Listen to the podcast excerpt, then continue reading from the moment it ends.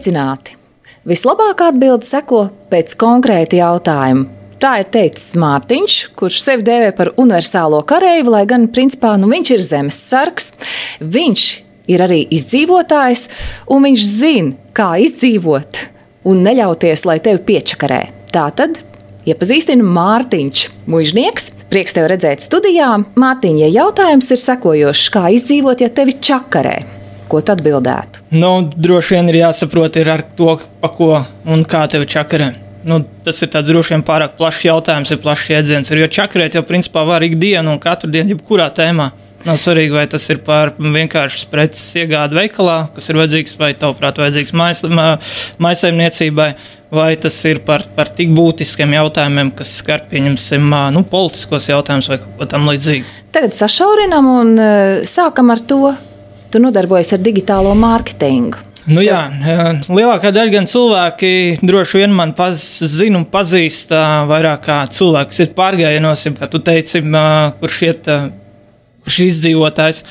Bet, um, nu, tas īstenībā ir tikai mans hobijs, mans sirdslieta, un droši vien ikdiena un lielākā daļa no manas ikdienas tiek pavadīta, diemžēl, uh, Es gribēju teikt, nevis mežā kaut kur sēžot uz celma, bet, bet tieši oficiālās telpās. Jā, un tā, tā joma, kurā es darbojos, ir saistīta par un ap digitālo mārketingu. Nu, konkrēti, piemēram, Facebook un viss, kas no tā izriet. Kā tad, ja, teiksim tā, ja dažos vārdos jānoraksturo tas, ko es daru, es domāju, kā nogādāt saturu pie īstās auditorijas.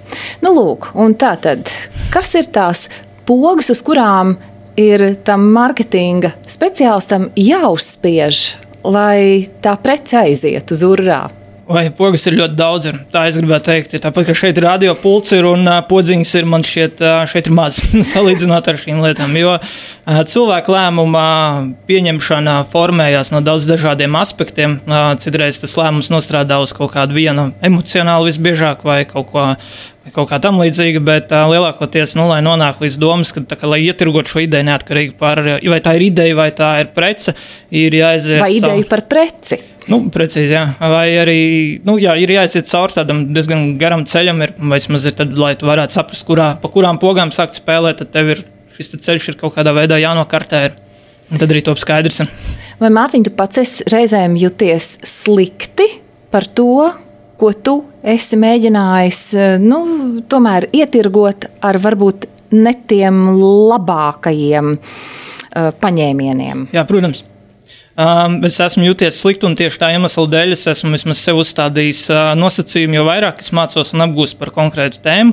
Jo, um, nu, es ceru, ka es nekad nemainīšu šo pārliecību, un nekas nenospēlēs nu, tā, lai es tā mainītu šīs domas, bet uh, nekad neizmantot to negatīviem mērķiem. Jo, diemžēl, uh, manuprāt, uh, liela daļa no šiem visiem, šī, visām šīm podziņām tiek izmantotas. Uh, nu, tādiem neētiskiem, neētiskiem mērķiem, tā varētu teikt.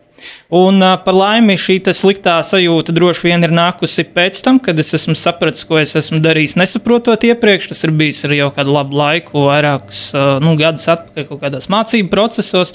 Un tad, nu, kad tu tur tā ej un tu saproti, ir šīs situācijas, kur tu atpazīsti sevi, kā bācis, es esmu darījis šī ļoti empatijas, nesaprotot, ko es esmu darījis. Un, nu, kad, nē, nē, nē. tad... Bet tu esi mazais kareivs. Nu, redz, nu, tur esi, esi arī zemesargs un, principā, nu, tā ir disciplīna disciplīna. Tātad tev ir dotas norādes arī šajā mārketingā. Tātad faktiski cilvēkam ir jāstrādā uz klienta intereses vainagošanu ar panākumiem. Nu, vairāk vai mazāk, jā. Nu, kā es pirms tam minēju, zemesardzēs varbūt tās šajā nu, periodā esmu mazāk aktīvs, bet nu, man liekas, vienreiz, kurš bijis zemesargs, tas paliek vai karavīrs uz mūžu, viņš tāds ir.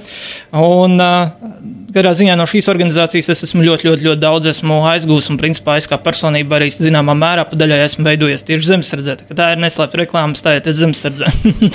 un ir divas meitas. Ir. Un cenšos vismaz mācīt un stāstīt to, ka karavīrs cienījams profesijas pārstāvis ir, un ja vienmēr tev ir nepieciešama palīdzība, tu pie karavīra konkrētajā formas starpā tu vari doties un tev, tev nu, palīdzēs. Tev, nebū, nav jābaidās no viņa. Tomēr atgriežoties pie tā mārketinga un pie tām mārketinga aizklusēm, kas cilvēkam reālajam, kurš neko nenojausdams, nu, uzķers uz tiem mārketinga āķiem, nu, kas būtu jāzina? droši vien būtu nepieciešams vismaz ar vienu aci palasīt painteresēties, kas ir tie galvenie ietekmes līdzekļi, uz kā mēs katrs cilvēks uh, atsaucamies. Nu, jo ir jāsaprot un jāpieņem to, ka neviens, ne es, ne, ne pat lielākais manipulators uz pasaules vai profesionālākais cilvēku manipulators un mārketinga speciālists uz pasaules, viņš nav neietekmējams. Mums, tā ietekme uz mums kalpo strādā visu laiku. Jautājums ir vienkārši to, vai tu iemācies atpazīt, un pat tad, kad tu atpazīsti, tāpat tās apzināti vai neapzināti tu uz kaut kādiem māķiem nu, uzķeries. Ir. Un, nu, tā konkrēti. Nu, tā konkrēti visbiežāk izmantotākais pa, paņēmiens ir tieši spēlēšana par emocijām, par, par lietām, par emociju stīgām. Nu, jo tāpēc, ka, ja tu runā par racionālām lietām, tad racionāla valoda rosina domāšanu, kas samazina um, paķeršanos uz šīm idejām, tā varētu teikt. Um, bet, uh, piemēram, no emocijām ir šobrīd ļoti, it īpaši šajās dienās, ļoti plaši apspēlēta tēma - bērni, bērnu apdraudējums. Viens konkrētais, drīkst runāt konkrēti, nu, tieši ir saistīts ar vakcinācijas tematu, tiek ļoti plaši izmantots bērnu apdraudēšanas narratīvs. Otrs ir, nu, pat tieši arī, kā tikko runājām, saistībā ar zemesardzi noslēdzās mācības namēs, kā šis tiek atspoguļots, izvilkts publiskajā telpā apdraudējums bērni, tāvi mani bērni tiek apdraudēti. Tas ir tas, kas nu, tiek ļoti plaši šobrīd izmantots, un pēc tam jau nav svarīgi, kas caur to tiek iebrots tālāk. Kā tu uzskati, kāpēc tā zemesardze mums joprojām ir vajadzīga? Kāpēc mums ir vajadzīga, kā citi saka, nu, beidziet, mums tik maza tā armija, mums tik maza tie spēki, nu, tas ir smieklīgi. Tev tas šķiet smieklīgi, nebūtiski. Kad runa ir par bruņotajiem spēkiem, ne tīpaši par zemesardzi, tad lielā mērā tiek runāts kontekstā ar to, ka nu, tik ņems un aizstāvēs ar ieročiem. Tautas interešu aizstāvība tiek, tiek runāta tieši par šaušanu, par kaut kā iznīcināšanu. Taču ir skaidrs, ka šis laiks, kad divi karapulki uz lielas um, pļavas sastājās viens pēc otra, un tad ar ģenerāļiem baltos zirgos, nu, tur uh, viss notikās, tas ir pagājis.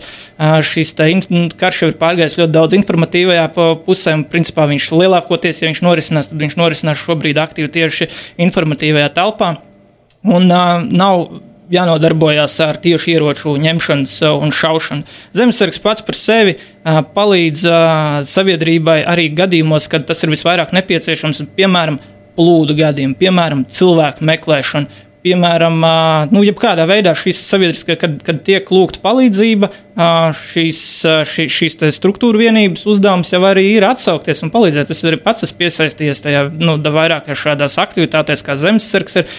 Un nu, nekad netiek izvērtēts cilvēks, kas atsaucās šiem, netiek izvērtēts vai ņemts vērā, ka vai tu kaut ko neesi teicis par mani kā par zemesargu sliktu. Jo būtībā tas, ko es principā, cenšos atgādināt un aicinu ikvienu pirms tu raksti savu sašutumu un uh, krāmē virsū visu savu iekšējo žulti uz šiem zemesargiem, neaizmirst, ka ikdienā viņi ir tie tavi ikdienas cilvēki. Jo tu jau neredzēsi pa gabalu, kas uh, darbā sēž, ka šis noteikti ir zemesargs, ja tu viņu nezini. Tu vienkārši tas cilvēks ir, viņš tavs līdzcilvēks ir. Un pēc tam var sanākt baigi nērti. Bet uz tiem, kas nezina vai nesaprot, tiem jau neapvainojas. Vienkāršāk sakot, uz muļķiem neapvainojas, bet vai tā drīkst tā skaļi, es neteiktu, es nezinu. drīkst, es domāju, ka pilnīgi noteikti drīkst.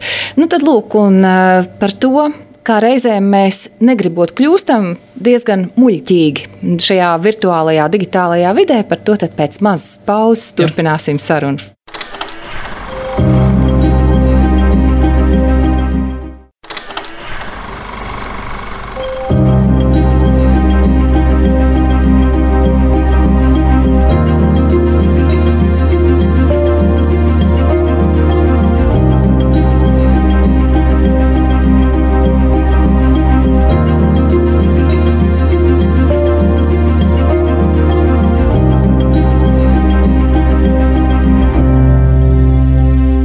Esam atkal izšķirtspējas studijā un turpinām sarunu ar Mārtiņu Mūžnieku. Eh, viņš ir digitālā mārketinga speciālists, arī zemesargs, izdzīvotājs. Nu, apsolījām, ka tagad mēs izrunāsim to jautājumu, kā neuzķerties uz meliem interneta vidē, jo tu pats esi eh, teicis, ka izplatīt melus ir ārkārtīgi viegli. Bet tos satīrīt, savākt un atspēkot, tas prasa milzīgus resursus. Kāpēc tā? Meli netiek izplatīti tāpat vien. Nu, neviens nemelo bez iemesla. Pilnīgi neviens, kāds grib vai nu sev piesakt, vai mērķiecīgi ar šo te panākt kaut, kādas, kaut kādu rezultātu. Un uh, meli, manuprāt, ir uh, sabiedrībā uztverams kā viens no uzbrukuma ieročiem, ja mēs runājam tādās informatīvā kara kategorijās, ja tā var teikt. um, un uh, ražot melus vienkārši nozīmē to, ka tiek uh, neutralizēti un sasaistīti šie citi uh, resursi, kas citkārt varētu nodarboties ar, piemēram, patiesību atklāšanu vai, vai kaut kādu konkrētu jautājumu šķetināšanu vai tam līdzīgi. Nu, minēšu, varbūt tās viens no uzskatāmākiem piemēriem nav nekādas personīgas attiecības ar žurnālistu Ingu Spriņģi, bet viņas, es nezinu, vai vadība, vai, bet šī pārstāvētais Rebaltika Rīgas, manuprāt, ir viens no uzskatāmākajiem piemēriem. E, es nezinu, aizskulis un cik daudz tas, protams, prasa laiku, bet tā no malas šķiet citreiz, ka uh, Rebaltika vairāk nodarbojās ar uh, šo tā saucamo fact-checking un, uh, un, un dažādu pat muļķīgu konspirāciju atspēkošanu publiskajā telpā, tā vietā, lai viņi risinātu, pieņemsim, un šķetinātu kaut kādas būtiskas problēmas. Šāds spēcīgs, manā ieskatā, tiešām spēcīgs uh, informatīvais uh, resurss tiek sasaistīts uh, melu atšķirtināšanas tīmekļos. Nu, nav īsti jāpūlās, lai, piemēram, paņemsim kaut kādus citus viltus ziņu gadījumus, kas, par kuriem viens otrs autors tika vismaz uz brīdi pavadīja, manuprāt, arī cietumā, par šiem ziņu saturu, kas tika ražots, un lai to visu nokoptu, pēc tam ir iesaistīti milzīgi resursi. Un šie resursi arī bija, patēriņš arī bija tas, man šķiet, par ko viņi paņēma vienkārši sagot pie dziesmas arī beig beigās. Un, lūk, izplatot šos melus, un ja tie meli ir tādi trāpīgi, un ja viņi tiek izveidoti, nu, teiksim, profesionāli tie meli, tad tas vienkārši ir tā tāds. No astoņkājas, kurš uh, aptver visus šos spēcīgos resursus, un viņi ir spiest nodarbo, nodarboties ar vienkāršu aizstāvēšanos, ar atmazgāšanos. Jo laiks, kas ir vajadzīgs, lai pierādītu, ka tā nav taisnība, varētu būt nu, tā vispārīgi sakot, desmit reizes ilgāks nekā man uztaisīt šo vienu rakstu Jo es varu ātri pateikt, jā, jā, vai protams, ko tik es nevaru safantazēt. Protams, jā. Minūtes laikā. Jā? Protams. Tā un, ja tas tiek attiecīgi iebarots, pasniegts nu, meistarīgi, tad tam var būt postoša ietekme. Kāpēc viena kaut kādi meli un, es atvainojos, brīžiem murgi nekur netrāpa. Nu, viņš tur savā telpā mazliet parosās un viss atmet ar roku, nepievērš uzmanību. Kāpēc savukārt citam izdodas tos melus veiksmīgi pārdot, kā mēs mm. mārketingā varētu teikt? Šis Es no galas nemācīšu noskaidrot precīzi visas sastāvdaļas, bet tas ir pavisam vienkārši. Nu, nav svarīgi, vai tie ir meli, vai tā ir patiesība, vai tā ir kaut kāda reklāma vai kaut kas tamlīdzīgs. Katram stāstam ir jābūt ir būt, nu, vairākām sastāvdaļām. Un pieņemsim, lai šīs idejas, un nu, nesauksim viņas par meliem, bet sauksim par šīm idejām, lai viņas būtu veiksmīgas, viņām ir jābūt pirmkārt pārsteidzošām, Jo pārsteigums rada, nu, tas ir uzliet augstu ūdeni virsū, un tad tajā brīdī, ja tas ir pārsteigums, tu esi noņemts. Meteorīts nokrits labības laukā. Precīzi, jā, tas uzreiz pārsteidzoši ir pirmais trieciens par tavu nu, racionālo spriedzspēju, ka tu esi atvērts tam jaunajai informācijai. Viņam ir jābūt ir konkrētam, ir. Viņam ir jārunā ir, nu, par faktiem, un viņam ir jābūt vēlams balstītam uz emocijām. Tur bija vēl, man liekas, divas vai trīs šīs sastāvdaļas, kas labāk zina, tie Latvijas jau zina. Bet, um, ja šos te nu, pietiekuši īsam un uh, kodolīgam, ja mēs skatāmies uz jebkuriem aktuālākiem izplatītajiem puspatiesībām vai kaut tam līdzīgam, viņš neviens nesastāv no milzīgiem sacerējumiem. Tas ir īsts, kodolīgs, izmetā aizgāja. Un uh, lielie sacerējumi ir pēc tam, lai pateiktu, šis nu, kurus neviens nav. vairs jā. negrib lasīt, kuriem patiesībā precīzi. vairs nav būtiski, kurus izlasa varbūt tie, kas jau a priori zināja, ka tie ir meli. Jā, īsts, Tad... konkrēts, pārsteidzošs. Uh, Tas ir viss, kas šokējoši. Jā. Jā, tas ir viss tavs aizsardzības robežas ir uh, nojaukts. Un tad tālāk ir jautājums, kurš to, kurš to ir izteicis. Tas ir izteicis uh, Čāls no ielas, vai to ir izteicis kāds sabiedrībā zināms politiķis, vai to ir izteicis kādā amatpersona vai kaut kas tamlīdzīgs, un tam ir milzīga. Uh, nu, loma, tam ir arī tā galvenā tā loma, ir, ka, kas to ir pateicis un kā to ir pateicis, un tālāk tur ir brīvā rīcība. Bet par to brīvo rīcību runājot, diemžēl vairs nav runa par notikumiem vai par precēm, runa ir pat par cilvēku tēlu pārdošanu. Un kas tavuprāt ir jau ārpus ētikas, eksistējoši arī mārketingā un šajā visā pārdošanā, veidojot savu politiķa tēlu? Nu, tēlu jau var būvēt daudz un dažādos veidos, taču droši vien ir tās, tās lietas, ko tu izmanto šī savu paštēlu veidošanai, jeb tās vērtības, vai ko tu, ko tu paudi. Un, ko tu virzi uz priekšu, tas tur arī ir tas galvenais jautājums. No kuras puses skatās, bet no manas subjektīvās puses skatoties, pilnīgi man nav pieņemama izmantot vēsturis, atsauces uz vēsturiskiem notikumiem. Un, ja šo te, šos te vēsturiskos notikumus, kas balsta šo te zināmai daļai sabiedrības svēto notikumu, kas simbolizē šo svēto notikumu, sāk izmantot saviem um, īstermiņa tādiem politiskajiem un apšaubāmiem mērķiem, aiz kāds tiek virzītas problēmas, kuras ir aiz ausīm pievilktas, tad tas nav īsti pieņemami un, un tā nedrīkst darīt.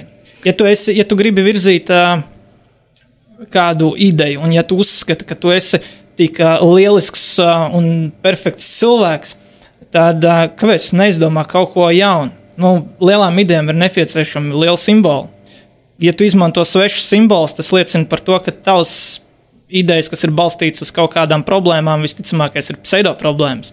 Un tu šajā brīdī manipulē cilvēkiem. Jo simboli radās dabīgi. Mēs varam paņemt jebkuru organizāciju, jebkuru kustību, vai tas ir sākot no LGBT, vai tas ir sākot no dažādām dzīvnieku aizstāvības biedrībām, vai tas ir sākot nu, beidzot ar kaut kādām, piemēram, valsts karogiem tam ir simbols. Tas nav tāpat vien vienkārši, kā mēs te paņemsim, uzzīmēsim sarkanu, baltu, sarkanu un aizies. Tas nav svarīgi, vai viņš ir īsts vai nav īsts, bet tam ir stāsts, viņš kaut ko simbolizē un viņš ir radies bīstami. Bet, ja tu spēlē par liekot klāt zvaigznes pie krūtīm, vai tu kaut kādā citādā veidā sāc izmantot šādus rīkus, manā skatījumā tas liecina par to, ka tu neesi īsti tādus sabiedrības labumā orientēts cilvēks. Un Nākamā lieta - tāds pretnostatījums. Mēs pret viņiem. Neviens vien šajā laikā saka, dīvaini, ka cilvēks uzskata, ka viņa tā pašizpausme vispilgtākā mm, formātā parādās tikai tad, kad viņš pret kaut ko protestē, kad viņš ir opozīcijā, kad viņš ir pret kaut ko. Kāpēc tā? Kāpēc mēs, mēs neesam par, mhm. bet pret? Mēs pret viņiem tas droši vien šeit visādi antropologi un uh, zinošāki cilvēki par mani noteikti mācētu labot un, la, un var labot, bet uh, runāšu pēc savas izpratnes. Uh, mēs jau vēsturiski no alu laikmetiem, jau kopš cilvēks eksistē, mēs visu laiku esam bijuši ciltīs, grupās. Un šīs ciltis un grupas un dalīšanās grupās strādā vēl joprojām un dzīvo vēl joprojām ir neatņemama mūsu ikdienas sastāvdaļa, sākot no ģimenes. Mana ģimene aizstāv savu ģimeni, nesu savu uzvārdu beidzot ar savu tautu. Uz krūtīm rakstīs Latvijas, ir nu, tā sakritas džempers, bet uh, es arī nekaunos, ka esmu Latvijas. Nu, tā tad, tā tad, es arī esmu Latvijas un lepojos Precīzi. ar to. um, tad ar nacionālo piedarību, rasu piedarību, beigu beigās, un ja mēs atradīsim tādas attālas kaimiņus, mēs nostāsimies mēs pret viņiem kā cilvēci kopumā pret tiem, ko mēs būsim atraduši. Nu, šī cilvēka identificēšanās ar kādu grupu ir nepārtraukta, un tā īstenībā tieksme būt eh, pieņemtam ir eh, nu, mūsu pamatvajadzība. Pied... Bet, eh, Mārtiņš, atvainojos, tev, tevi uztrauc vai tas, ka tu esi latvietis, kaut kādā veidā, nu, tavu latvietību apdraud tas, ka tev blakus ir krievi, lietuvieši, igauņi, poļi, tatāri. Kādā veidā tas septembrī, apdraud? Jā, es varu par šo. Par šiem nacionālajiem jautājumiem runājot, septembrī, kad man tieši sakrita dzimšanas diena ap šo periodu, um, es uh, attapos, ka dzimšanas dienas laikā es esmu rītīgi iegrimis iekšā savu dzimšanas ciltskoku izpētē nu, līdz kaulam tur ar sievu abi divi tur nu, nedēļu veltījām no vietas, tam pat vairāk, mazliet divas ir. Un uh, es sapratu, ka nav tīri latviešu. es esmu Baltkrievs, es esmu vācietis, uh, meitas ir Ukrainas, nu, ja sanāk uh, no šādā veidā, uh, visticamākais uh, Krievi. Uh, tur ir viss. Nav tīri latviešu, un visticamākais to, kāpēc mums arī saka, kāpēc mums ir skaistākās sievietes, ir tāpēc, ka mums ir šī plašā gēna sajaukšanās notikusi caur dažādajām tautām. Patiesībā, jebkurš, nu, kad cilvēks piedzimst, viņš jau nav apzīmogots ar to, vai tas ir latviešu, krievs vai vēl kaut kas, un valoda pilnīgi noteikti manā izpratnē nu, ne pie kā nespēlētam. Tas ir vienkārši jautājums, kurā vērtību sistēmā tu esi audzis. Un, un principā, Droši vien jebkurš cilvēks spēj mainīt savu identitāti arī uz plašākiem mērogiem. Pieņemsim, es esmu Eiropietis. Un tas nav nekas slikts. Uh, es bet, esmu cilvēks. Jā, precīzi. Galā. Jā, un tas nav nekas slikts. Un uh, šo ir labāk saprast, ka tu esi, uz, ka tu esi cilvēks ar šādām rakstura īpašībām, nevis tieksmi iedalīties kaut kādās grupās, jo ikdienā ir daudz vieglāk arī uh, izdzīvot. Mums patīk identificēt sev dažādos, pieņemsim, nu, pārgājienu komunu, pārgājienu grupu. Mēs cilvēki, kas esam pārgājienos, mēs esam kaut kādā veidā ar kaut kas mūs vieno, vai tas ir simbols vai kaut kādas lietas, nav svarīgi. Ir. Tad ir cilvēki, kas ir skrējēji. Tad ir cilvēki, kas ir um, riteņbraucēji, politisko apvienību pārstāvji. Mēs visu laiku dalāmies. Un, protams, ka šīs grupas var visu laiku mainīties, ieņemt lielākas. Un, un uh, tas nav nekas slikts. Slikti ir tad, manā skatījumā, ja um, izmantojot šos nepieciešamību pēc piedarības grupai, tiek pret, pretnostatīts un veicināts naids pret kādu citu pretējo grupu. Jo jebkurš ir gatavs stāvēt un krist par saviem. Ģimene ir mana cilts, nu, es par to savu ģimeni nu, esmu droši vien tāpat kā daudz citu cilvēku, gatavs iet līdz pēdējiem, cik tālu man ir elpa. Nu. Tas gan, bet kāds eh, ir tas eh, apdraudējums, vai kāds to apdraudējumu nav izdomājis, vai kāds nav iestāstījis, ka pastāv apdraudējums? Nu, nu, te ir tā kritiskās domāšanas jā, jā. nepieciešamība. Tad, Mārtiņ, ko iesākt ar to, lai tu saprastu, ir vai nav. Tas tāpat kā tev, kā zemesargam, ir jāzina, no kuras puses būs uzbrukums, vai mēs tagad nestāvām sagatavojušies un skatāmies uz priekšu tur, un tikmēr mūs no aizmugures vienkārši jau sen ir aplenkuši. Ir ļoti ir nepieciešams, manuprāt, uzdot ļoti daudz jautājumus, pretjautājumus tam, lai saprastu, nu, vai tas ir tiešām tas apdraudējums eksistē. Jo brīdī, kad mēs runājam, kad ot, lūk, mēs esam mēs, mēs kā piederība, mēs kā grupa, kas kaut kam pieder un mūs kaut kas vieno. Un, un runājam par to, ka ir kāds cits, kurš grib mūs apspiest, tad uzreiz ir automātiski aizsardzības pretreakcija. Kas, kas mums notiek, ir nevis pakļaušanās lielākoties, bet automātiski mums ir preti, nu, mēs aizsargājamies. Nu, kā tagad man apvainos, nu, kā, kas tagad notiksies? Nu, un uh, es to nepieļaušu un tam līdzīgi. Un šī aizsardzības reakcijas izraisīšana, šīs spūras pacelt gaisām, principā jau tas arī ir viens no tādiem, uh, manuprāt, nepieciešamiem līdzekļiem, kas ir vajadzīgs, jo tajā brīdī, kad cilvēks ir uh, pavērsis to savu šķēpu un uzlicis vairogu pret to ārējo iedomāto pretinieku, Tu tikai viņam austiņā čukst, visu laiku saki, ka jā, skaties, kā viņš tevi skaties. Un tagad uh, redzēju arī pirms pāris mēnešiem vienu video, kur, kur tieši tā arī dara, runā viens, un viņš laiku šitā te ar pirkstu baksta, un tas ir, nu kā, nu kā tagad šitā te viņi dara. Lai gan tie, kuri it kā, it kā apdraud, pat nenojauš, ka viņi kādam rada šādu veidu protams, apdraudējumu. Protams, un, ja? un, un, un ikdienā jau tur tā lieta, ka tajā brīdī, kad es teicu, ka tu esi pacēlis to vairogu un izvirzījis savu šķēpu pret kādu ārēju apdraudējumu, tev tikai vajag, lai kāds čukstausī un pastiprina visu laiku, ka tam, ko tu dari, patiešām ir vērta, nu, jēga. Tam, ko tu dari, tam ir jēga. Un tas attiecas pilnīgi visos uh, veidos. Un, Mārtiņ, tas ir perfekti, jo tas ir stāsts arī par to, ka tiek runāts par to apdraudēto brīvību, vai mēs gribam būt brīvi, mm -hmm. tad tajā brīdī, kad tu klausi kāda mazajām, klusajām komandiņām vai skaļajām, ar pirkstu iebakstītajām, tajā brīdī šķiet, tā, tā tava brīvība nu, reāli ir apdraudēta. Tas gan varētu būt apdraudējums. Ne, nākošā problēma jau, kas to visu pastiprina mūsdienās, um, ir uh, šis sociālo tīklu uh, priekšrocības un posts, tā viņi varētu nosaukt. Um, Šie sociālie tīkli, jā, nu, ir vēl viena lieta, lai pasargātu sevi. Iepriekš bija jautājums, kā izvairīties no šī visa. Arī tie sociālie tīkli, tomēr lielākajai daļai sabiedrības ir uh, neizbēgama kaut kāda. Um, Sastāvdaļa, no kuras viņas kaut nedaudz uh, nedēļā šīs laiku minūtes pavada, un ir vismaz vēlams izprast tos orientējošos algoritmus, kā viņi strādā. Ja tu esi radījis šo savu informatīvo burbuli ar to, cik viss ir slikti un kā tevi cenšas apvainot un apbežot kāds cits, tu vienkārši neredzi tur ārpus tā visa. Jo, piemēram, Bija man te gadījums, kad dažus mēnešus atpakaļ uzrakstīju vienu rakstu, necerēti, kas ieguva popularitāti saistībā ar politisko tēmu.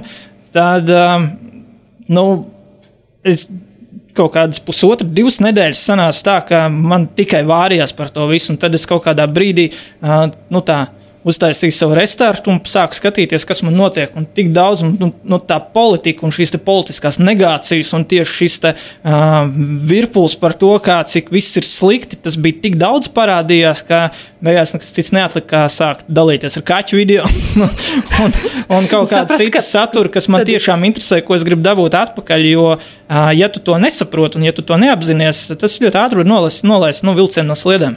Tas gan, jo. Bet, ja tieši tu... arī sliedas iet kadrā. jā, jā. Un eh, turklāt, ja tu iesaisties diskusijā, kurai īsti nav jēgas, tad jā. kā tu izvērtē, kurš ir brīdis, kad tev šī diskusija ir jāpamet, ka tas ir liekas laika patēriņš, un kad tomēr ir vērts kaut ko teikt vēl jo vairāk, cik viegli vai grūti tev bija norīt, jo tur komentāros tika rakstīts tādi kā tu, Mārtiņ, šķeļ mūsu sabiedrību. Jā, jā. Tādi kā es, ir valsts apmaksāti. Tieši tā. Pienākas, jā. Pirmkārt, ja tu jūti, ka tu sāc uzskatīt kādu cilvēku, teiksim, par muļķi vai kaut kādā tam līdzīgā veidā, kas nenozīmē, ka viņš tāds ir, ja tu tā uzskati. Iespējams, vienkārši ir jās, tajā brīdī jānorauj stopkrāns, ir, jo jās, jāpaturprātā, mēs varam būt katrs ar savu viedokli, saviem politiskiem, reliģiskiem, jeb kādiem citiem uzskatiem, bet ikdienā tomēr mēs esam līdzcilvēki un mums ļoti iespējams nāksies saskarties uh, savā starpā. Un, uh, ja tas sāk vilkt uz personīgiem apvainojumiem, uh, tad tas ir, vai vismaz tev gribās uzrakstīt personīgu apvainojumu, tad tas droši vien ir tas brīdis, kad uh, ir jāsaka, lai nu paliek. man, ja kāds ir redzējis, ka lai nu paliek, tad droši vien es personīgi esmu bijis tur vismaz tūtam, jo es esmu cilvēks, un šad tad varbūt tas arī ir nācies norauties no šīs ķēdes. Ir jāsaprot, ir vienkārši tāds, manuprāt, princips, ka runājot ar visiem sociālajiem tīklos, nevienu nepārliecinās no pretējās nometnes pārstāvjiem. Nu, kas tā kā tavs nosacīt pretējās nometnes pārstāvjiem? Tu nevienam apgaismību neiedvesīsi, un viss, ko tu izraisīsi, ir iespējams vēl pastiprināt, pasakot absolūti būtu, ja tāda eksistē uz pasaules, vai visumā absolūta patiesība, ka tiešām ir tieši šādi. Tas nenozīmē, ka otrā pusē tam, kuram tu to centies pateikt, viņš to cen, nu, arī uztvers. Viņš tiks uztverts, ko tu te izgudro. Nu, man ir sava taisnība, un manas taisnība ir absolūtā taisnība. Un uh, visveiksmīgāk, manuprāt, strādā tas, ja tu, ja reiz runā, diskutē viens pret viens ar cilvēku uzdotiem jautājumiem. Pēc tam vienkārši, uh, kāpēc? Nu, viņš izsaka apgalvojumu, nu, kāpēc ir tā kāpēc tu tā domā, un aicināt paskaidrot, paskaidrot šādā veidā, šķietinot to visu, tu nonāc līdz tai beigās, tai, tai uh, problēmas saknei, jeb tam brīdim, kurā šis uh, cilvēks iespējams uh, nonāk konfliktā pats ar sevi, un viņam rodas šaubas. Nu, tas ir tas, ko viņš tā, šobrīd tā aktīvi aizstāv, un otrs ir tā otra racionālā puse, kas ir tā noklusētā lai saka, patiesība, varbūt tās vai kā, nu, ja pieņemsim patiesību, jā, kas tev ir, un tad tas viss sāk miedarboties, jo tad tajā brīdī, ja cilvēks sāk, ja cilvēkā radās, rodās šaubas, tas ir tas atslēgas brīdis, kad tu viņu vari, nu, tā teikt, atindēt. Un vienlaikus šaubas ir arī tas instruments, kas, kas tiek sēts visu laiku, tiek sēts sabiedrībā ļoti plaši. Šaubas tiek sētas, un tas, ir, tas arī ir viens no instrumentiem. Tas ir tikai ierocis un pretīni vienlaicīgi. Jo, ja tu redzi šaubas, tas to varētu salīdzināt kā nu, tāds kliņķis, un tu viņā iesēji tikai mazu, mazu augu. Un viņš sāk dzīt saknes, un viņš jau drupina nu, šo kliņķi. Protams, jā, jebkurš mazs koks, kas ir kliņķis ieaudzies, viņš viņu drupina, viņš viņu plēš, un beig beigās no tā visa koks ar visu to bluķi arī sagāžās. Nu, principā, manuprāt, tas ir tāds līdzīga analoģija, kas strādā arī uz cilvēka apziņu. Tajā brīdī, kad tu esi dabūjis šīs šaubas, ja es iesēju, un uh, cilvēks sāk apšaubīt kaut kādas, vai šaubīties par to, ka to, tam, ko viņš ir ticējis iepriekš, ir taisnība, tad uh, tu viņam vari virzīt. Uh, nu, principā pakāpeniski. Ne visu daudz, un ne visu uzreiz. Tu nevari uzreiz baļķies pa turieni. Bet, uh, tā nu, tik vēl trūka. Jā, jā, jā, tur vairs tu, nekas pāri nepaliks. pakāpeniski, pakāpeniski tu baro vēl vairāk, vēl vairāk, vēl vairāk un iedēs iekšā to, kas ir nepieciešams. Ir.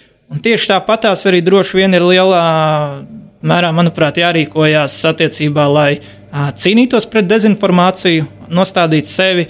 A, kad dzirdēji informāciju, kas ir pārsteidzoša, emocionāli, īsa un konkrēti tiek pateikta, pagaidi, pagaidi. Nu, tā kā- Sāc šaubīties. Jā, ka, kāpēc uzdot jautājumu, kāpēc un vai tiešām tas tā ir. Un šeit vietā droši vien būs ieteikums pameklēt, nu, veltīt 15 minūtes laika, to divu vai trīs kaut kādu citu avotu, kas nav saistīti ar konkrēto izcelsmes vidi. Piemēram, ja runājam par avotiem cilvēkiem, es paprasīju draugam, kurš ir arī no tās pašas pārstāvniecības. Un, uh, viņš teica, ka tā ir taisnība. Es paprasīju vēl vienam draugam, viņš arī teica, un tas vieno to, ka viņi visi ir no vienas šīs informatīvās viena telpas. Bet, Pajautā kādam ārpusē. Jā. Un pajautāt ārpusē. Un te, tad arī veidojās šis, nu, tā arī tiek veidots tas vispārīgi sakot, tas viedoklis. Nu, redz, nu tagad šaubu nav. Mums ir nepieciešama pavisam maza pauze, tad atgriezīsimies atkal studijā un turpināsim sarunu. Jā.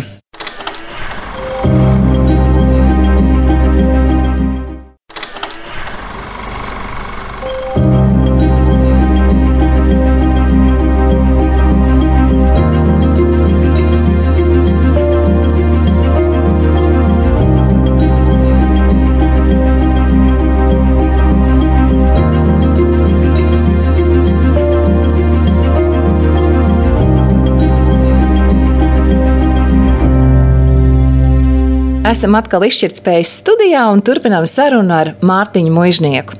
Mārtiņ, tu pats esi arī apgalvojis, ka neuzzinās, cik ir dziļš, kamēr nebūsi iekritis. Nu, tu esi atļāvies gan iekrist tāliņģī, gan eh, purvā grimt. Kāpēc? Kāpēc šis ekstremālais um, piedzīvojums tev ir nepieciešams? Un vai tas der visiem? Es domāju, ka tas der visiem. Ja mēs runājam konkrēti par iešanu nu, tur, dabā un tam līdzīgās lietās, iet pāri baļķiem, tas man liekas, ir pirmais ātrākais veids, kā cilvēks var iemācīties uzticēties sev. Un tu uzticies sev un pārēji pāri kaut kādam baļķim, un liekas, ka tev, piemēram, ir slikta līdzsvara izjūta vai kaut kas tamlīdzīgs, kas bieži cilvēkiem ir. Tu iegūsti pārliecību par saviem spēkiem, un tas pārnesās tiešā veidā uz tavu ikdienu. Pats es esmu tieši šīs atziņas ikdienā iegūst tieši no, ka ej pārbaudi, iegāzies, nostādi sev galējo robežu, kaut kādu izturības robežu priekšā, un tad tu iepazīsti nu, pa īstam pats sevi. Un pēc kaut kāda brīža tu saproti, ka, hei, ja tas strādāja, piemēram, ja 101 km iet diez- ā, 24 stundās un censties tur iekļauties, ja tu sadali to visu pa posmiem, kurā brīdī tu jūties rītīgi labi, kurā brīdī tu jūties nožēlojamākais uz pasaules, un kurā brīdī tu atkal tu gribi padoties, un tad tu beigās izjūti to prieku, ka tu to esi izdarījis. Šos te principus tu vari attiecināt pilnīgi uz jebko, ko tu ikdienā dari. Bieži vien, kad ir bijis kaut kāds grūtāks nu, dzīves periods, kam ej cauri, tad nu, nav nekas cits atlicis, kā tikai teikt, klausies, nu, šis ir tavs uh, simtiņš, nu, tas mums tāds saucās, tāds pārgājiens, šis ir tavs simtiņš, un tu šobrīd esi pie 70, 80, kurā tu gribi padoties. Nu, Tas vairs nav gaumīgi. Tā nedrīkst. Bet, principā, bet tu lauz tās jaunās takas, tu visu laiku meklē tie, tie brikšņi, kam tu ej cauri. Viss tas nu, neizzinātais, jo parasti nu, cilvēki droši iet tur distancēs, vai ir dažādas takas un piedzīvojumi, eh, laipas. Kāpēc tu ej tur, kur neviens nav gājis? Es eju gan tur, kur kāds ir gājis, un arī tur, kur nav gājis. Jā. Neviens piedzīvojums un nekāds atklājums netiks piedzīvots tur, kur ir aizgājuši tūkstoši citi. Nu, tu, piemēram, ejot pa ielu, nu, tu, tu būsi izgājis pastaigāties, bet vai tu varēsi teikt, ka tev bija tā rītīga forša diena? Nu, kā, Nu, ja tu kaut ko ieraudzīji, paskaties uz augšu, paskaties kādā logā, ieskaties cilvēkam sejā, smaids, kāds uzdāvināts, to tā Mārtiņa nevar viennozīmīgi teikt. kad laika atpakaļ arī eh, dzirdēju vienu labu salīdzinājumu, ka, ja tu gribi redzēt savu īsto klientu, tad uh, nofotografē viņu tad, kad viņš tevi neredz. Un uz ielas ikdienā šie cilvēki, tā kā vidējā sabiedrība, un arī visticamākais es pats, nevaru teikt, ka esam tie dzīvespriecīgākie un smaidīgākie. Un Ja kāds atļaujas smaidīt, viņam noteikti kaut kas nav kārtībā. Jā, bet um, ejot mežā, ejot uh, no takām, ejot pāri kādam bebru dambim, piemēram, um, cilvēkam nav laika nodarboties, un arī man pašam nav laika nodarboties ar to, cik lieliski vai cik uh, cienījami Cik es izskatos. Jā, jā, jā, cik kāds es izskatos no Kā tas malas. būs bildēs un video? Jā, precīzi. Ir cilvēki, kuriem tas ir svarīgi, un viņi, viņi var redzēt, ka visu laiku domā par to, ka, ja nu gadījumā ir kāds pavērsts uz viņu kameru, bet, bet, bet to nevar noturēt visu laiku. Un kādā brīdī tu kļūsti, tu pats īstais, tu pats esi.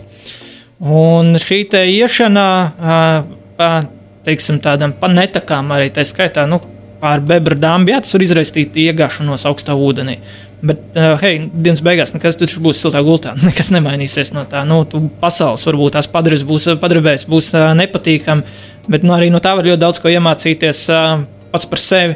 Un uh, šis process, viņš vienmēr ir, uh, nu, nav nācies redzēt. Gudvērts uh, ir sanācis par, šo, par šiem visiem gadiem izvest, es gribu teikt, savu krietni tūkstotu vairāk cilvēkus uh, dabā vai būt ar viņiem kopā. Es neesmu redzējis nevienu reizi, ka kāds būtu kaut kur iekritis, saslapinājis, kā viņš būtu raudājis. Ak, Dievs, man diena ir sabojāta, ar mani kaut kas ir tāds noticis un tam līdzīgi. Nu, Gluži otrādi būs ko atcerēties. Precīzi, Izdevās, precīzi jā? jā, un šis ir tieši, tieši šīs lietas, kas rada tās pozitīvās emocijas. Bet eh, cik pozitīvas bija tavas emocijas, kad tu leci āliņģī ar visu to zemesarga formu? Vai tas bija jau vairāk kā desmit gadus atpakaļ, manuprāt, stipri vairāk kā desmit gadus atpakaļ. Uh, Cik es atceros no šīs fragmentā, tā bija pirmā reize, kad es kaut ko tādu darīju. Un uh, ārā bija mīnus 15 grādi. Un tā, kad tu nostājies tāliņa malā, tad, ko es tur teicu, man liekas, es tur ka es, būs, jā, jā, domā, ka tu siltā, es esmu siltā, siltā gultā, jā, nu tur, kā apmēram iedomājas, man teica, nu, Mārtiņ, lec iekšā un uh, ielic. Pirmais brīdis ir, protams, es nemāku. Ir cilvēki, kas nirst ar degunu cietu, acis ciet, un tam līdzīgi es nemāku turēt ne degunu, ne acis ciet, un tā taisa acis vaļā, un visapkārt viss ir tumšs, ir uzrausies augšā. Un uh, vienlaikus saprotu, ka īstenībā nav jau nemaz tik augsts, nav tik briesmīgi, bet no otras puses tev to elpu aizsiciet, kamēr tu nomierinies, kamēr tu savāc vispār saproti, kas notiek, un tad, tad, tad tikai pēc tam tā līšana ārā, viss tas ir. Es domāju, ka vismaz kontrolētos apstākļos ar kādu, kurš to zina, ko dara, nevis uz savu galvu aizgāja ielats iekšā. Uh, kontrolētos apstākļos vismaz es ieteiktu pamēģināt katram vismaz reizi to izdarīt. Kāpēc ar drēbēm? Jo nu, tas tieši drēbju lekšana, tas viss bija. Nu, tāda aptāla imitācija tam, ja tu ej pāri ledus un tu ielūst iekšā. Jo pēc tam viena lieta ir samērcēties, un ar to jau viss nebeidzās. Ir nākošā lieta ir pēc tam tikt ārā, saģērbties. Un, piemēram, kā es teicu, tur bija 15 grādi, es atceros, kā rokas, nu, pirmais, kur cilvēkam ķermenis augstumā, kā viņš reaģē, visas asins tiek grupētas šeit, kur ir dzīvībai svarīgi organismi, orgāni. Lai sirds strādā. Jā, jā, jā viss, kur ir dzīvībai svarīgi orgāni, tas nozīmē no pirkstiem, no kājām, no šīm vietām visām tiek. Paņemtas asins, ja tā var teikt, un lai samazinātu siltuma atdevi. Tieši un notiek tieši pretējais, ja mums ir karsti, Tad iespējams, ka pēc vaigas sarkana ir tas, lai šīs asins tiek dzītas. Nu, ķermenis ir diezgan gudrs un pašregulējošs, ir, lai tieši veicinātu šo siltumu atdevu. Nu, un tad šajā salā bija tā, ka jūti, kā ir, kad tu, tu redz, kā tev pirksts kustās, bet viņas nejūti. Tad tā centies taisīt tur pogas vaļā. Tur. Bet vai kādu, kas atpogā, jo tu, tu nevari jau neviens arī palīdzēt. Ne, nu, protams, ka tas viss notiek instruktoru klātbūtnē, un ja tur viss slikti, tad tev neļaus, ne, lai nebūtu viss slikti. Bet biedri jau tiem ir savas problēmas. Es domāju, gan. Jā, un tomēr šeit ir tas par to, ka ir jāmācās tikt galā pašam par sevi. Un pēc tam arī vairākas reizes tas ir darīts. Ir, nu, vairāk jau tas tā, ka vienreiz es, es neesmu lecis ne ar gumiju, ne izplatnē ar viru, kas ir viss, varētu teikt, ka es gribētu, bet vai es tagad tā nostājoties tur, es būtu tik drosmīgs, kā es citreiz vārdos esmu, un diez vai. Bet šis savukārt, es domāju, zemlētas makšķerniekiem varbūt īpaši vajadzētu par to padomāt. Ja? Galvenā doma, kāpēc šīs lietas tiek darītas, un nosaušana, iegāšanās, ielikšana apzināti, neapzināti vai nostādīt vismaz riska situācijā, ka tas varētu būt neapzināti, ir mācīties iepazīt pašam sev, savu ķermeni, savu ķermeņa reakcijas pirmkārt, jo tām ir ļoti būtiska ietekme ne tikai mežā, bet arī ikdienas situācijā, situācijās, jo, kā es teicu, nosaukt, samirkt vai kaut kas cits, kas notiek, to var arī veiksmīgi izdarīt ikdienas apstākļos apstākļos. Nu, tas izgājis no mājas. Bez lietas sarga, vai tu esi spiests kaut kur attopies, kaut kur, kur mašīna saplīsus, vai kaut kas tamlīdzīgs, tev ir augsts. Un, ja tu nezini, kā tavs ķermenis reaģē augstuma apstākļos, tad tas vienkārši ietekmē uzreiz tavu spriest spēju, lēmumu pieņemšanu, kas var būt nu, medicīnisks seks, diezgan liels. Ir. Bet vismaz man šķiet, ka es esmu iemācījies ar šīm un līdzīgām izdarībām, ka jo drāmīgāk ir apstākļi un jo sliktāk es jūtos, Jo priecīgāks ir prāts, jo vairāk sāc runāt muļķības, pozitīvas muļķības, jo vairāk melnāki joki nāk ārā vai kaut kas tam līdzīgs. Un kaut tā ir daudz. Jā, jā, jā, jo tā ir, tā droši tā ir acīm redzama mans paša, pašaizsardzība pret, te, pret šo te problēmu, kas man tajā brīdī ir. Un, ja tie ir citi cilvēki, tad tu jau viņus arī valc līdzi, lai, nu, lai viņi neieslīgtu iekšā šajā kritiskajā posmā, kad tev ir viss slikti, ak, Dievs, kāpēc šeit es atrodos un tam līdzīgi. Jo, ja tu nonāc pie viss slikti, un kāpēc es šeit esmu, un kāpēc tas notiek tieši ar mani, tev sāk pazemināties, dzīvot griba. Uh, un, ja tev zūd dzīvot griba, tad ir liels nepatikšanas.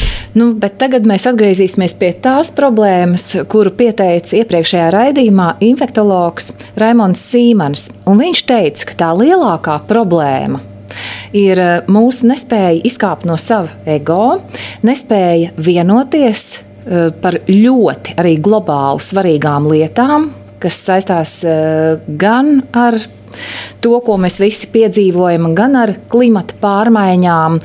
Un, jā, viņš teica, ka tā sašķeltība ir ārkārtīgi bīstama.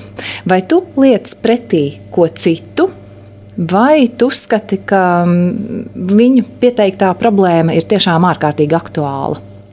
Jautājums ir par to, vai bezierunu altruisms mūsdienu patērētāju sabiedrībā ir iespējams. Un, ja tā, tad nu, kā, kas būtu tie pareizie veidi, kā šo domāšanas sistēmu nostiprināt. Jo altruisms un vienotība, manuprāt, ir ļoti kopīgas tēmas. Kāpēc? Jo gan viens, gan otrs pieprasa atteikšanos no sava šī brīža um, īslaicīgajām interesēm un novirzīt kaut kādas kopējās intereses priekšplānā. Piemēram, saprast, uh, no to, ka tava individuāla rīcība var būt ar daudz lielākām negatīvām sekām, bet no kopējā labuma ilgtermiņā, nu, kā, ja tu rīkojies šobrīd tā, lai būtu labi citiem, neviens nedara neko tāpat. Vien viss skatās kaut ko caur kaut kādu egoismu prizmu, vienalga kādā mērogā. Tad arī altruisms tur kaut kur pie tā apstājās. Tad beigu beigās ir svarīgi nolikt tās savas intereses, šī brīža intereses malā, vienoties par darīt kaut ko, kaut ko kas ir sabiedrības, jeb kaut kādas savas, nu, teiksim, savas cilts, savas grupas uh, interesēs, lai pēc tam tu baudītu šīs te, šī brīža rīcības augļus vēlāk. Un droši vien uh, manos ieskatos tieši šī altruistiskā rīcība, šī spēja vienoties uh, kaut kādam konkrētam mērķim, ir šodienas problēma, kas saistās ar pilnīgi visā. Vienalga, kādā mēs sakam no vidas problēmām, par uh, vidas piesārņojumu un kā to samazināt. Beidzot, ar nu, šajos laikos ļoti aktuālo vakcinācijas vai medic citu medicīnas raksturu jautājumiem, nu, tas, tas mums, šī domāšanas sistēma mums diemžēl trūks, jo priekšplānā Kāpēc patērētāja sabiedrībā, jo patērētāja sabiedrība ir vērsta uz, uz to, ka gūt labumu šobrīd, tagad. Bet kas notiks rīt? Es cenšos radināt, mācīt sevi pats pie šīm lietām, ar pie šīs domāšanas, ar tādām mazām ikdienišķām lietām. Oficiālā stāv kafijas aparāts. Pēdējais, kurš ir paņēmis ielējis kafiju, aparāts rāda, ka nav ūdens. Viņš paņem, ir jautājums, vai tu to kafiju paņemsi un aizies projām, vai tu uzpildīsi, domājot par to, lai nākošajam cilvēkam nu, nebūtu šis jādara, lai tu padomātu par to nākošo cilvēku pēc tam. Jo nākošais cilvēks šādā veidā, ja, ja viņš saprot, ka kāds cits ir šobrīd darījis tā, lai būtu labi viņam, uh, viņš uh, atdarīs ar kaut ko tam līdzīgu. līdzīgu.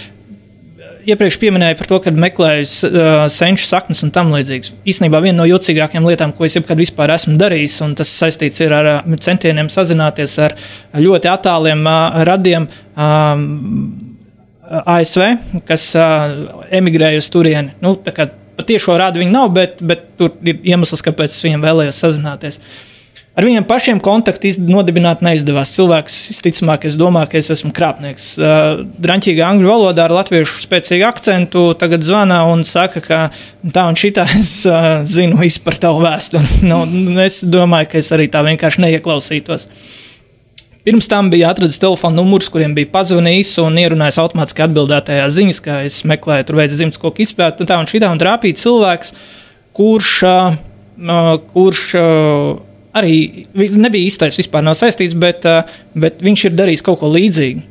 Un, uh, es nu, tur, tur Facebookā viņš atrada, tur sarakstījās, un, uh, un uh, es viņam nu, beigās viņš saka, nu, jā, nu, es nezinu, kā es tev palīdzētu. Es saku, nu, klau, nu, varbūt tu vari rekur pazvanīt šim te telefonu numuram. Pateikt, ka tas pateikt, ir jā, nu, ka, tu, jā, ka, es, ka es esmu normāls čalis, ka es tikai gribu nu, dažas lietas noprecizēt. Un, es nepiedāvāju mantojumu. Precīzi, jā, jā, jā, jā. dolārus. Ar ko tas beidzās? Ar uh, to, ka šis cilvēks uh, sagatavoja, beigās uz brīvprātīgi sagatavoja milzīgu vēstuli uh, viņiem. Jo uh, tas zvans beidzās ar to, kā arī viņam nolika klausuli un uh, parādīja virzienu, kurā doties.